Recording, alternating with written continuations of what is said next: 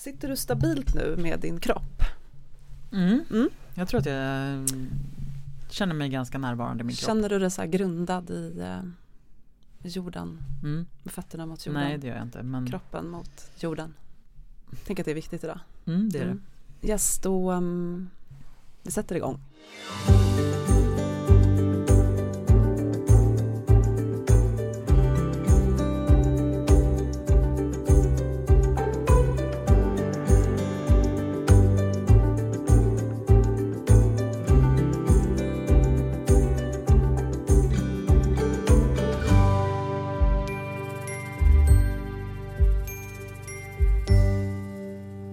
Hej och välkomna till det 28 avsnittet av Präster med gäster med mig, Anna-Fia Trollbäck. Och mig, Rebecka Tudor. Och vi är präster i Tyresö församling i Stockholm.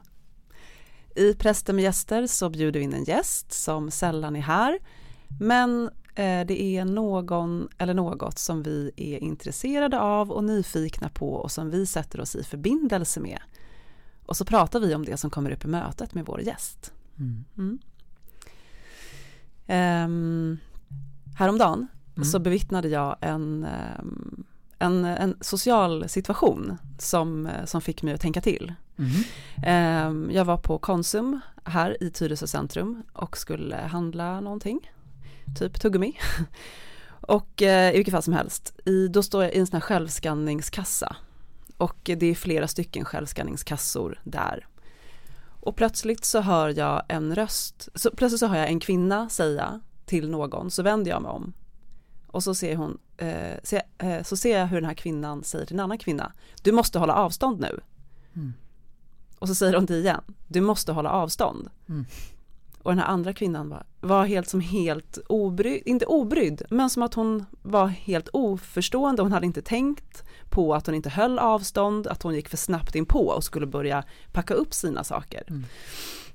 Ja, förlåt, förlåt. Och den här första kvinnan då var ju jätteupprörd. Mm. Och så tänkte jag så här, åh men stackars den här kvinnan som inte tänkte på det. Just det, som blev utskälld. liksom. Jag som blev utskälld, Skammad. lite skammad. Men det här händer ju runt om oss nu i lite hela tiden. Och eh, Alltså det hade varit helt otänkbart before Ja. corona att någon skulle säga håll avstånd. ja, du måste hålla Du avstånd. måste hålla Ja. avstånd. Och sen så tänkte jag också på så här att, ehm, att den här situationen som hände, att den har någonting med så här att hon som kom för nära, Mm. när den här kvinnan sa till henne, då blir hon så här, hon har gjort, hon är så här lite oren nu. Mm. Hon blir som lite skammad. Hon är oren medan alla som följer restriktionerna liksom är rena på något sätt. Och att vi nu har så tydliga regler för så här rent och orent eller rätt eller fel eller vad man ska säga. Och så tänker jag då vidare så här att det finns ju väldigt många sammanhang där det finns eh, i olika religioner till exempel eh, och traditioner att det finns regler kring rent och orent. Mm. Ehm, som då markerar en gräns mellan heligt och profant. Och eh, som, eh, ja, Bibeln finns väldigt mycket regler Mm. kring hur människorna skulle leva då. Och ibland så brukar man skämta om att så här, om man skulle leva efter de där reglerna, alltså det skulle inte gå idag om man skulle försöka följa alla reglerna i, i som står bland annat då i Tredje eh, Mosebok. Precis. Mm. Någon människa har ju försökt göra det och det blir Mm. som ett skämt. Mm. Typ. Mm. Ehm, Men i vilket fall som helst så tänker jag att även om vi inte har så specifika regler som idag, som det står i tredje Mosebok, så har vi ändå regler för vad man får och inte får göra Mm. vissa saker. Ehm, och nu i och med pandemin så blir det på en detaljnivå, till exempel det här med avståndet och det blir väldigt intressant. Jag tänker att det gör någonting med oss. Mm. Att man får så här, jag får skälla ut dig om du kommer för nära. Just det. Det är liksom, Men jag, menar, jag tänker också att, för det finns ju en, jag tycker verkligen att det finns en dubbelhet i det där för att eh, även innan pandemin så tänker jag att det finns många människor som kanske hela tiden upplever att eh, människor tar avstånd ifrån en. Man kanske är hemlös. mm, Eh, man kanske inte har kunnat duscha på länge så att man liksom luktar eller Mm. man eh, ja, liksom en luktar sprit eller eh, tigger eller ja men du vet att det här avståndet är någonting där man verkligen har definierat ut vem som är de facto så här, oren. Mm. Eh, men nu Ja, så att, och, och, och det känns ju bara helt fruktansvärt. Ja. Förstås, liksom. Men att det nu också gäller Men nu är det så här, vi allihopa ska så här att det finns den här som du säger, den här rekommendationen och riktlinjerna för hur vi ska förhålla oss. Och samtidigt så har ju vi alltid som, ja, som du sa att det finns ju också någon typ av nästan skämt kring svenskars avstånd. Mm. Att vi liksom inte är nära varandra. Någon, någon liten seriestripp som gick också om på liksom hur ser en busshållplats ut i, i liksom ja. Sverige. Vi står Mm. ändå på liksom, Vi tar inte onödig kontakt med varandra. Liksom. Vi sätter oss alltid på liksom, ja men du vet. Ja, Går in på en buss så sätter man sig inte på liksom bredvid någon utan man tar ju en ledig så Nej, att men man precis. har en ledig stol Ja. bredvid sig också. Även dra- innan liksom. ja, och drar man det riktigt långt så tänker jag att det där också eh, Alltså man kan också tänka då kring så här, men tar vi, ah, har vi liksom ett civilkurage där vi ens agerar Mm. om det händer någon, någonting? Mm. Eller håller vi avståndet? Alltså att vi till och med kanske är, är distanserade även där många gånger. Mm. Att man Mm. låter saker hända för att så här, nej men jag vill inte blanda mig i. Ehm, eller att man inte vågar därför att vi lever med en sån typ ganska stor distans till varandra. Jag var också med om en sån här social eh, liten, eh, ja vad heter det? Situation. Situation. som om någonting inte var en social situation. Men ja. Eh, nej men två personer som gick på gatan och så mötte de varandra och så Mm. såg jag att så här, eh, de hälsade på varandra som att de inte hade träffats på länge. Eh, och det var den här bara Hej! eh, Ska vi liksom är, du, är du en sån som kramas? Och så var den här personen uppenbarligen någon som ändå försökte hålla på liksom Nej, jag ska inte kramas nu. Men hur svårt det också är att säga då. För vem blir, vad, vad, ska, vad gör man med det där mötet? Ja. När det initiala är så här, men hej, liksom, ge mig en kram. Och så bara, "N- nej. Alltså att, du vet den där känslan av att bli avvisad också. Ja, För nu, nu ska vi ju avvisa varandra, Ja. men det känns ju också hemskt att bli ja, avvisad. verkligen. Eh, och jag, för det har jag varit med om flera gånger att jag har Ja men jag har nog blivit lite respektlös liksom. För att eh, jag längtar så mycket efter att kramas. Mm. Jag, jag tycker inte alls att den här distansen är skön. Nej. Eh, utan jag vill liksom Jag vill känna kroppar Mm. eh, och närhet. Eh, men jag har blivit avvisad vid ganska många tillfällen. Och så skäms jag. För Ja. att bara, nej men gud. Hur kunde jag ens föreslå att vi skulle krama varandra? ja, men precis. Jag är inte riktigt klok. Jag är inte riktigt klok.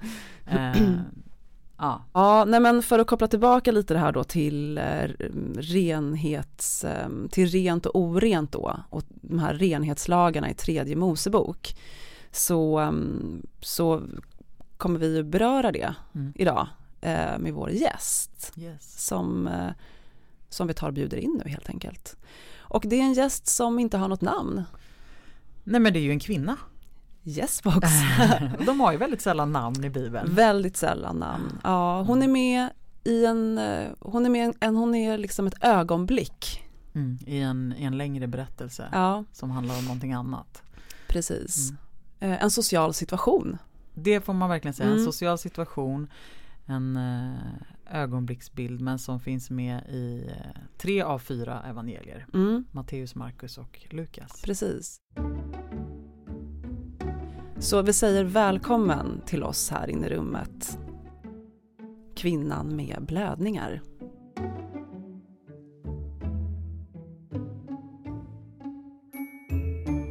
Och för att vi ska få liksom eh, en kontext och eh, ändå få lära känna kvinnan med blödningar så, så läser jag. Och du läser från Markus evangeliet. Yes, jag läser från Markus evangeliet kapitel 5, vers 24. Mycket folk följde efter och trängde sig in på honom. Där fanns en kvinna som hade lidit av blödningar i 12 år. Hon hade varit hos många läkare och fått utstå mycket. Det hade kostat henne allt hon ägde, men ingenting hade hjälpt. Snarare hade hon blivit sämre. Hon hade hört vad som berättades om Jesus och nu kom hon bakifrån i hopen och rörde vid hans mantel. För hon tänkte att om hon bara fick röra vid hans kläder skulle hon bli hjälpt. Och genast stannade blodflödet. Hon kände i kroppen att hon var botad från sitt onda. När Jesus märkte att det hade gått ut kraft från honom vände han sig om i hopen och frågade Vem rörde vid mina kläder? Lärjungarna sa Du ser väl hur folk tränger på och ändå frågar du vem som har rört vid dig? Han såg sig omkring efter henne som hade gjort det. Kvinnan, som visste vad som hade hänt med henne, kom, rädd och darrande fram och föll ner för honom och talade om hur det var. Han sa till henne Min dotter, din tro har hjälpt dig. Gå i frid. Du är botad från ditt onda.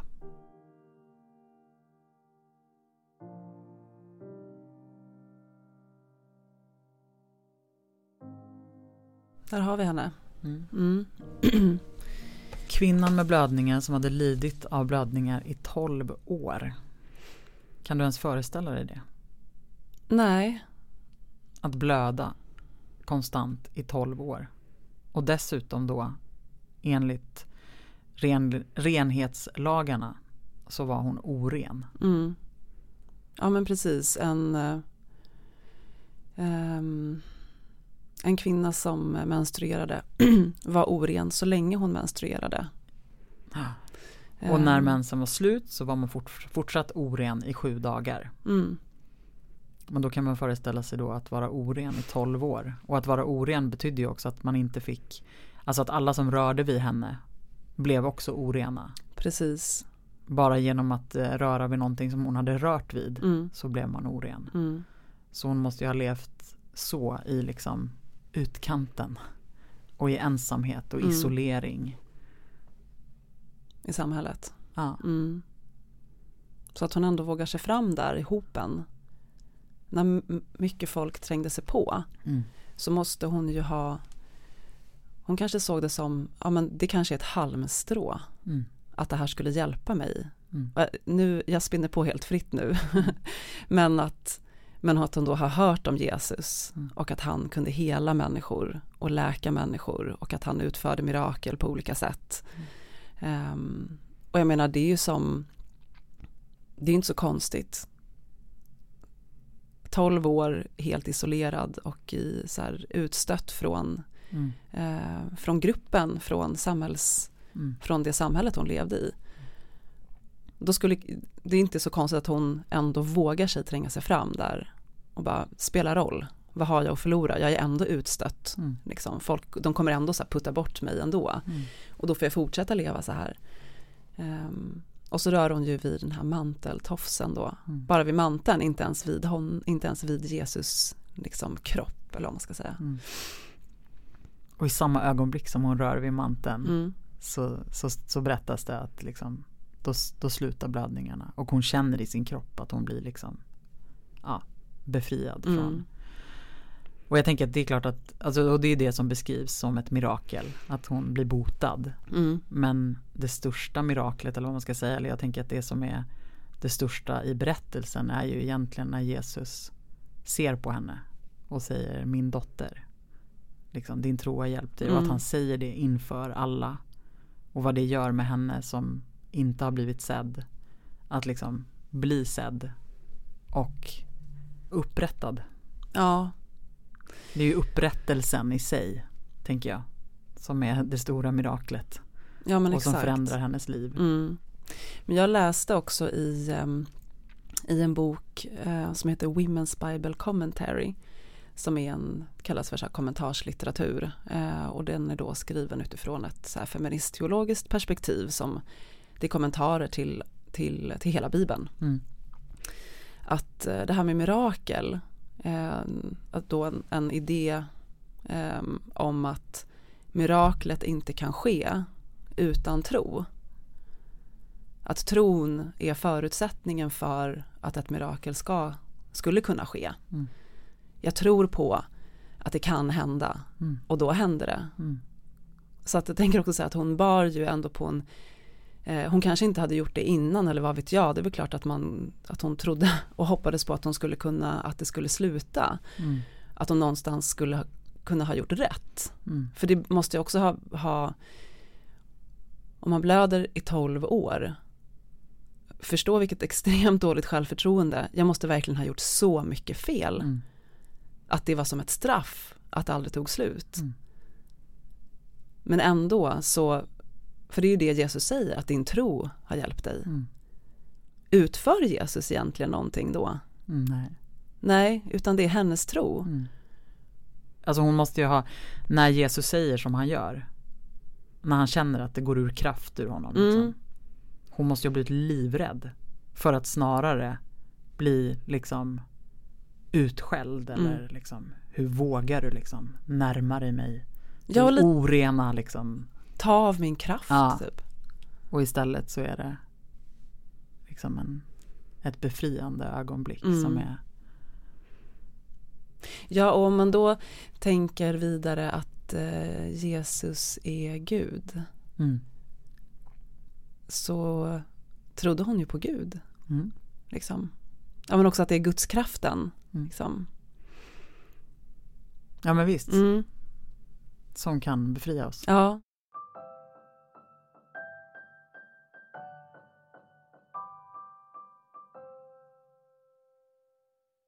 För att koppla tillbaka lite till tredje Mosebok då och det här med så här renhet och orenhet och i gamla, från gamla, i gamla testamentet och i den tiden som Jesus levde i. Ehm, så, så var det ju, så kanske man behöver förstå, få, få lite bakgrund kring hur det här med renhetslagarna fungerade. Mm. Ehm, och ehm, då ska vi. You tell us Ja, honey. nu ska jag försöka berätta lite här då om det. Då var det som att man såg på liksom att både Israels, um, alltså helgedomen, det, templet Mm. och eh, kropparna behövde vara rena. Ehm, och att det liksom var som, det var som en befallning från Gud. Och att den här rituella reningen markerade liksom skillnaden mellan heligt och profant. Och att det då förberedde en person på att kunna liksom interagera med det heliga. Um, jo men och då så menar man i tredje Mosebok i alla fall så är det just tre saker som, som nämns då som, som är sär, särskilda rituella orenheter. Och det var då död, fjällsjuka, Vad är det? ehm, en sjukdom där det såg ut som att man fick typ som fiskfjäll, en sån här hudsjukdom. Mm. Ehm, den finns alltså fortfarande. Men det står liksom specifikt om den. Ehm, har man sett Game of Thrones så finns ju fjällsjukan med där. Och de som har fått, de, de som får den här fjällsjukan liksom helt och hållet, de är ju verkligen som outcasts som lever och de blir som galna också. Mm. Jag vet inte om det har någon överensstämmelse med den här sjukdomen i verkligheten. Mm. Men det verkar vara typ som så här grov psoriasis eller liksom Mm. stark psoriasis Mm. typ. Eh, men och då sexuell liksom, ja men liksom kroppsvätskor från liksom ehm, sexuell utlösning. Mm. Liksom. Eh, eh, sperma, Sperma, eh, mensblod och eh, ja, sexuella kropps... flytningar. Ja precis, Ja. sexuella kroppsliga eh, vett, kroppsvätskor. sitter jag blir så här generad att säga det. Men i alla fall. Ehm, men att, men att ehm, de, de, mest, de flesta av orenheterna eh, var ju liksom temporära tillstånd och, och liksom delar av livet. Men att det då eh, men att man, att man behövde rena sig liksom hela tiden. Eh, och att de här olika reningsriterna var ju då, ehm, det är som passageriter. Ehm, och att ehm, ja, vid vissa av de här orenheterna, till exempel som kvinnan med blödningarna då, att om man hade en normalt lång mens ehm, så var det som att man blev lite så exkluderad i gruppen och sen så blev den rituella reningen ett sätt att komma tillbaka in i gruppen igen. Och det här var ju någonting som människor gjorde hela tiden. Så det var egentligen ingenting konstigt liksom. Ehm, ja, och då kan man ju, då är ju till exempel mensblodet och eh, och sper, alltså förlorat, eh, eller så här, mensblodet och sperman var ju saker som Um, alltså det är ju som flöde till liv. Mm. Um, och det ansåg man då vara orent om det lämnade kroppen och inte kom till någon nytta. Mm. Alltså om det inte ledde till liv. Mm. Alltså det, jag tyckte att det var jätteintressant att läsa om, eller bra att läsa om det här eftersom att det ger en större förståelse. Så att det blir inte lika lätt att avfärda så här, åh det var så himla hemskt med de här renhetslagarna och det förslavade människor så himla mycket. Ja, jag har ingen aning om hur människorna då kände kring det, men det reglerade ju livet och det mm. handlade om att någonstans hela tiden befinna sig mellan det profana, alltså det jordiska och det heliga. Mm. Och livet pågick mellan, i det och mellan de här två tillstånden. Liksom. Um, ja, det kanske är svårt för oss idag att överhuvudtaget föreställa oss den typen av liv. Därför att vi lever så extremt mycket i det profana. Ja. Alltså att det heliga, ja, är liksom förlorat det ja. heliga. Ja men det har vi ju. Mm. Eller jag tänker att det finns en enorm längtan efter det heliga. Eh, men det går inte riktigt att bara Det går inte riktigt att ta allt Alltså det som var då och bara flytta över till nu. Nej. För att ja det, det låter ju bara helt fruktansvärt. Men jag tänker ändå att det här har gjort någonting med oss människor. Mm. Att leva i den här traditionen. Och veta att det här, alltså eller tänker inte, eller liksom hur, hur tänker du att det ändå har påverkat vår syn på liksom kvinnan eller vår syn på mens. Att det ändå har liksom setts som någonting orent. Mm. Alltså ja, det har ju påverkat oss jättemycket. Kring att vi inte knappt ens eh, kan prata. Vi kan inte prata högt om det. Nej. Alltså sen så tänker jag att det här, det finns en uppluckring. Men det finns ändå ett så socialt um, ja, stigma kanske är liksom ett starkt ord men att men det är en väldigt begränsat vem jag pratar om, vem jag pratar med om mens. Ja. Och kring min, alltså hur jag har det, ja. hur det är med min mens liksom. Mm. Um, och bara det, ja men sen med reklamfilmer att det ändå är Ja men att det är en blå vätska liksom när det är mm. reklam för mensskydd mm. till exempel. Um, jag vet inte, använder du eh, menskopp? Nej, jag gör inte det. För det var en sån här, det var så revolutionerande mm. för mig när jag började använda det. Mm. Att jag såg mitt eget blod. Mm. Ja men det är jättemånga som säger det och jag har liksom jag har, jag har verkligen funderat på om jag inte ska, det känns ju som att menskoppen är liksom en nästan som en eh, ja, men liten aktivistisk handling nästan att använda sig av mm. menskoppen. För att då blir ju mensen så påtaglig och man kanske kan börja älska sin mens på ja. något sätt. Eller liksom att det blir så fysiskt. På, eller liksom ingenting som jag döljer. Eller liksom, det, det får vara där. Det liksom, och, ja, och så, för jag har ju själv min egen, alltså om, jag har ju själv tyckt att jag tycker att det är äckligt liksom. Alltså jag tycker blod är äckligt. Mm. Jag tycker att det är läskigt och liksom, jag vill inte få blod, alltså jag vill inte hålla i mitt eget mensblod. Så har jag liksom tänkt. Att ja. jag, så här, jag vill bara gömma undan det eller liksom eh, Hatar att använda binda, det är typ det värsta jag vet. Mm. Eh, för jag tycker att det är äckligt. Eh, men jag vill inte känna så. Nej. För att det finns ju också en enorm liksom Alltså vi, vi skaptas så, det är det som gör att vi kan få liv.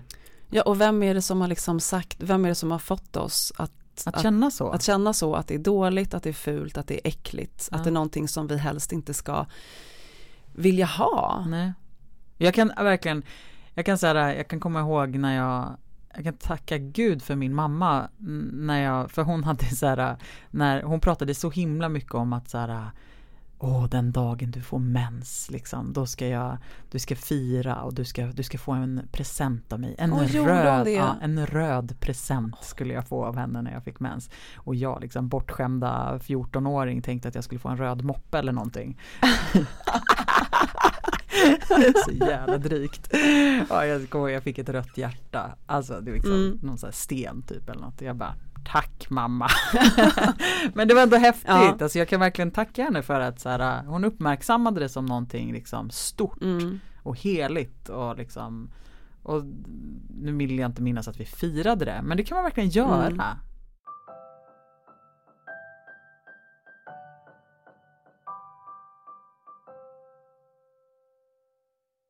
Jo, jag sa ju förut, så här, vem är det som har fått oss att tro, tänka och känna att det bara är negativt? Mm. Och det är ett väldigt eh, enkelt svar på det. Och det är ju det är liksom, Gud.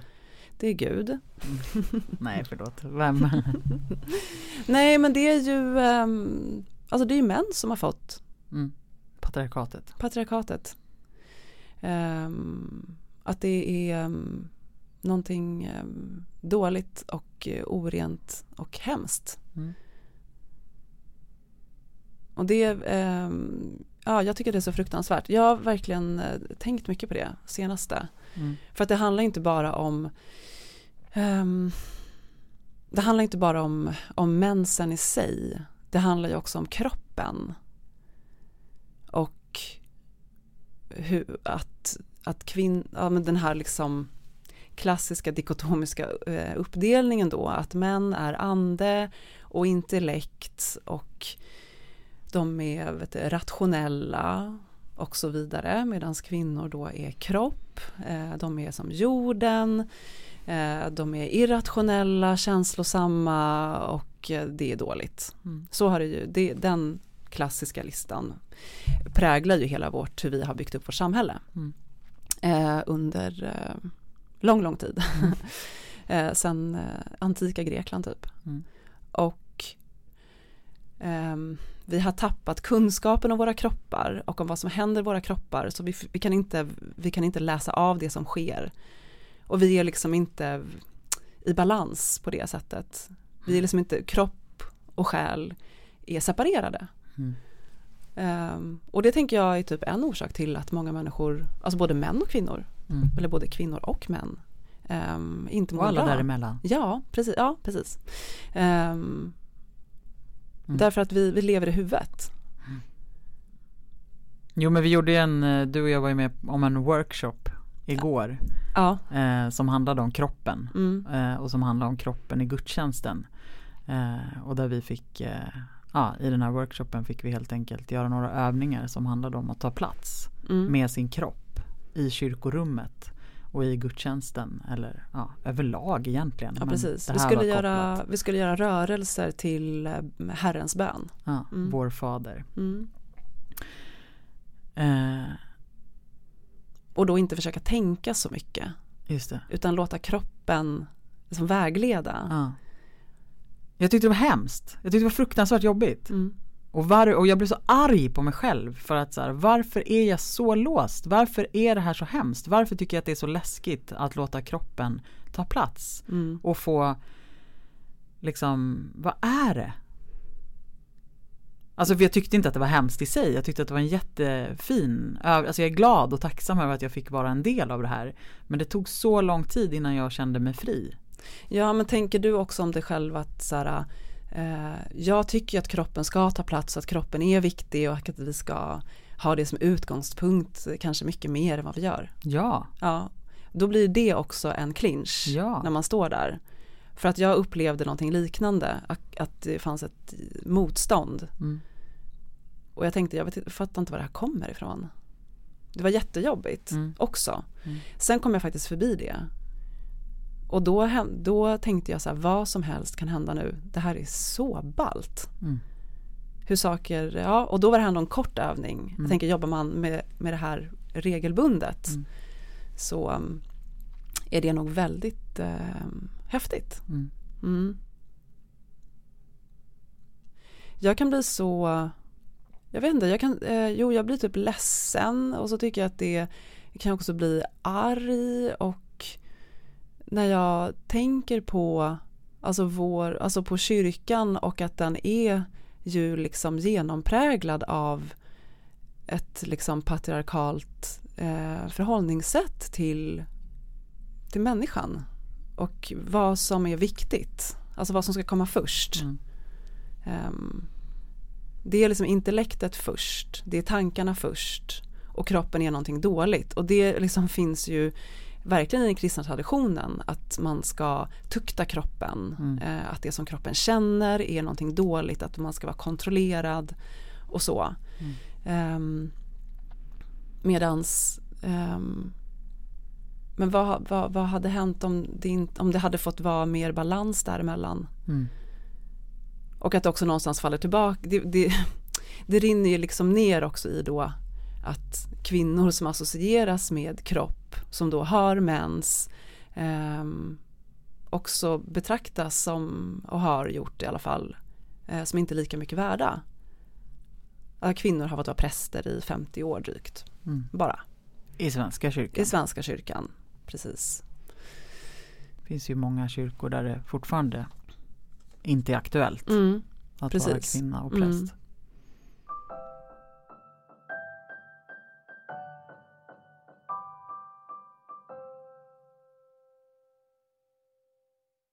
Alltså det finns ju många kulturer där man har hanterat liksom eh, eh, förhållit sig till att kvinnor menstruerar. Mm. Um, och då så lyssnade jag på en podcast som heter Period Podcast.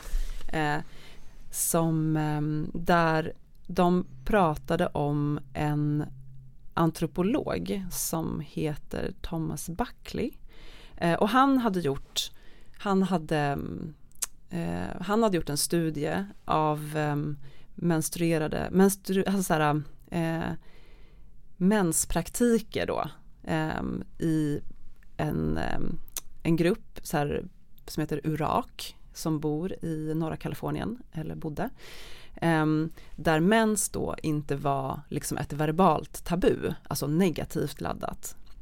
Utan där då kvinnorna, där man som kvinna när man hade mens, eh, där man eh, då så eh, drog de sig undan från det typ vardagslivet till en hydda.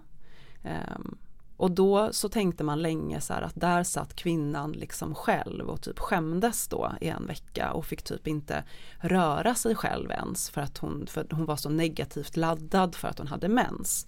Men det där har man kommit fram till då, den här antropologen gjorde det, att det stämde inte. Utan kvinnorna var inte alls, eh, satt inte alls så själva i små hyddor, i små skämshyddor. Mm. Utan de eh, menstruerade ju, kvinnor som menstruerade samtidigt mm. var i hyddan tillsammans. Mm. Um, och, så, och att de även typ manipulerade sin man, menscykel så att de då menstruerade samtidigt. Så att alla kvinnor i communityt eh, liksom menstruerade, såg till att menstruera samtidigt. Mm.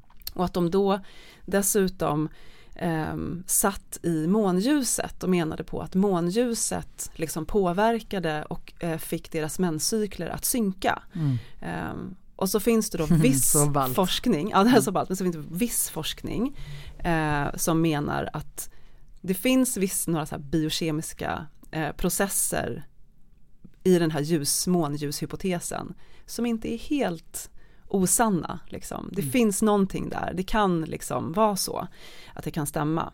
Eh, och då i alla fall de här kvinnorna som var när de satt i sin menshydda eh, så använde de tiden till liksom spirituellt undersökande.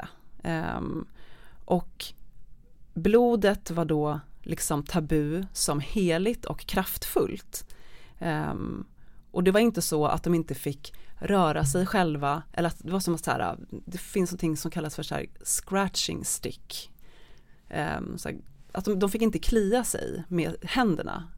Och det var inte för att de var orena då, utan det var för att um, för att de var så kraftfulla. Mm. Så att de skulle liksom inte hålla på, de skulle inte hålla på och klia sig själva. Alltså de var så kraftfulla mm. så att det var liksom, nej de skulle använda sin kraft till någonting annat.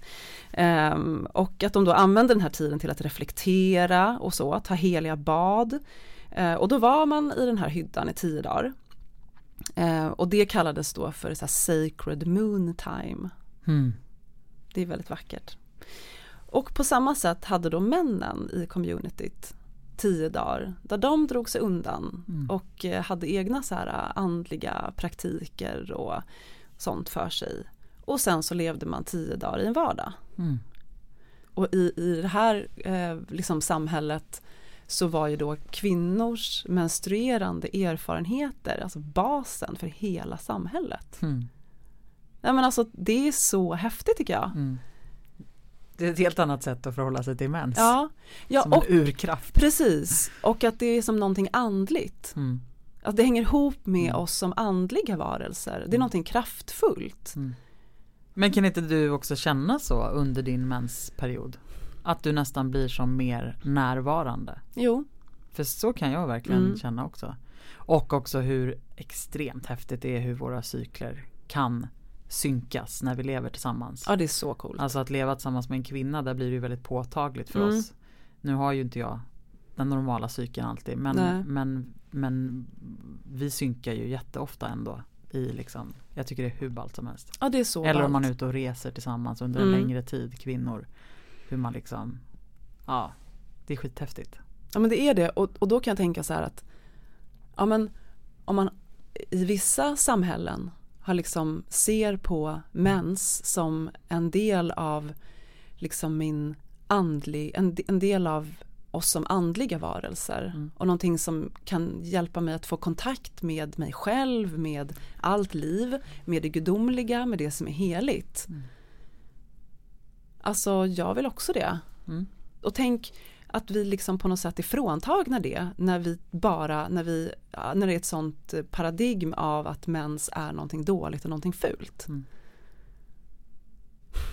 Tänk om det är liksom en kanal, en andlig kanal. Mm.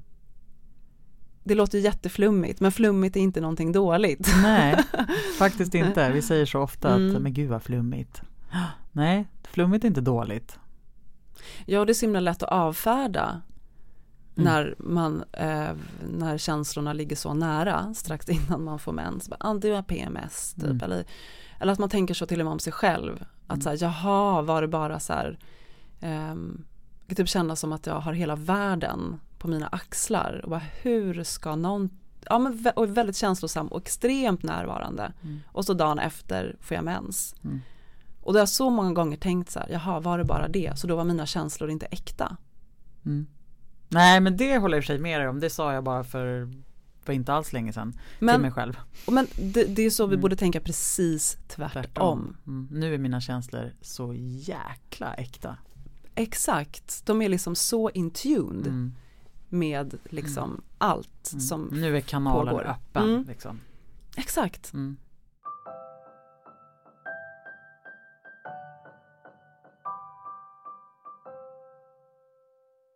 I vissa kulturer så har kvinnor inte mens särskilt ofta därför att de antingen är gravida eller ammar. Mm. Ehm, och då blir mensen kanske mer, det blir mer speciellt och då när de har det så typ drar de sig verkligen undan Mm. och arbetar inte ens. Mm. Också för att det tar en massa kraft Mm. i kroppen Mm. att, att ha mens. Ehm, men vi ska ju bara leva på i en jobbvardag som det är så här 9 till 5, 9 till 5, Mm. 9 till 5. Mm. Ehm, Nej, man tar ingen hänsyn till Nej, det. att så här, nej men Vi de borde här, få mensdagar. Ja, men den här dagarna i månaden, då behöver jag så här, jobba hemma. Mm. Nu kanske det kommer bli enklare med pandemin, vad vet jag. Mm. Men då behöver jag dra mig undan mer därför att jag, eh, jag jobbar bättre då. Mm. Eller jag kanske inte behöver jobba, jag kanske inte ska jobba alls så mycket Mm. några dagar ibland. Därför att jag får ändå inte någonting gjort och jag blir bara stressad av det. Och sen så finns det en annan del i menscykeln. Där jag har supermycket energi Exakt, kanske, och, och och, är så här- kreativ. Precis. Och, ja. ja men visst, och så kan man ta, ta tillvara på det. Mm. Liksom. Så kan man ta tillvara på varje, liksom, varje period i menscykeln Mm. och liksom leva sitt liv efter det. Mm. Det finns ju idéer kring att man kan göra det. Mm. Och det är jättespännande. Vi ska knyta ihop säcken tillbaka till kvinnan med blödningar. Mm. Hur gör vi det? Vad känner du för kvinnan med blödningar? Jag känner väldigt, väldigt mycket med henne. Mm. Nej men hennes utanförskap liksom. Och att inte få den hjälp hon behövde. Nej. Men sen hennes mod och hennes liksom mm. Hon vågade. Ja, hon vågade till slut. Ja. Det var kanske hennes sista ja men sista hopp liksom. Mm. Och så bar det. Mm. Det bar. Och om, hon har inget namn i bibeln, det är en kort berättelse men den finns i alla tre evangelier, den berättas. Mm. Och det det berättas om är ju ändå att hon blir helad och hon blir sedd och hon blir upprättad. Mm. Det är det som är grejen med berättelsen. Ja. Eller ja, en av grejerna. ja, ja men visst så är det ju. Ehm,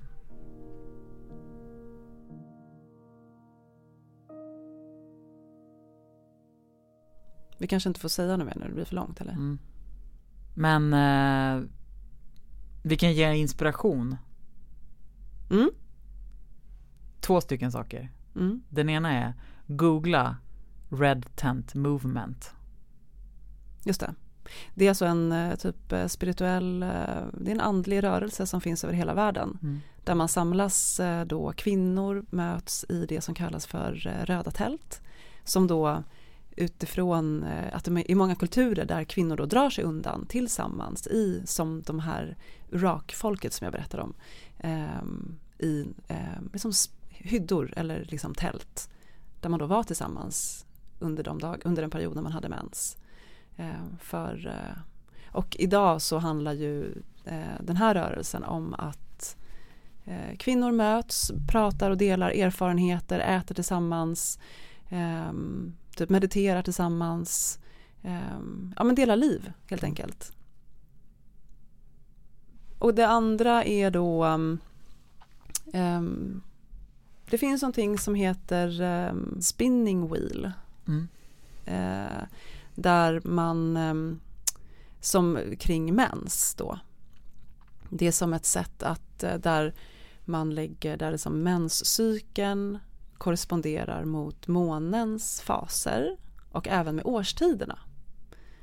Och det är då som ett eh, ehm, och hur man då mår under sin menscykel och vad man borde liksom tänka på. Som en slags eh, andlig eh, menspraktik. Mm. Mm, och ett sätt att leva med sin menscykel. Mm.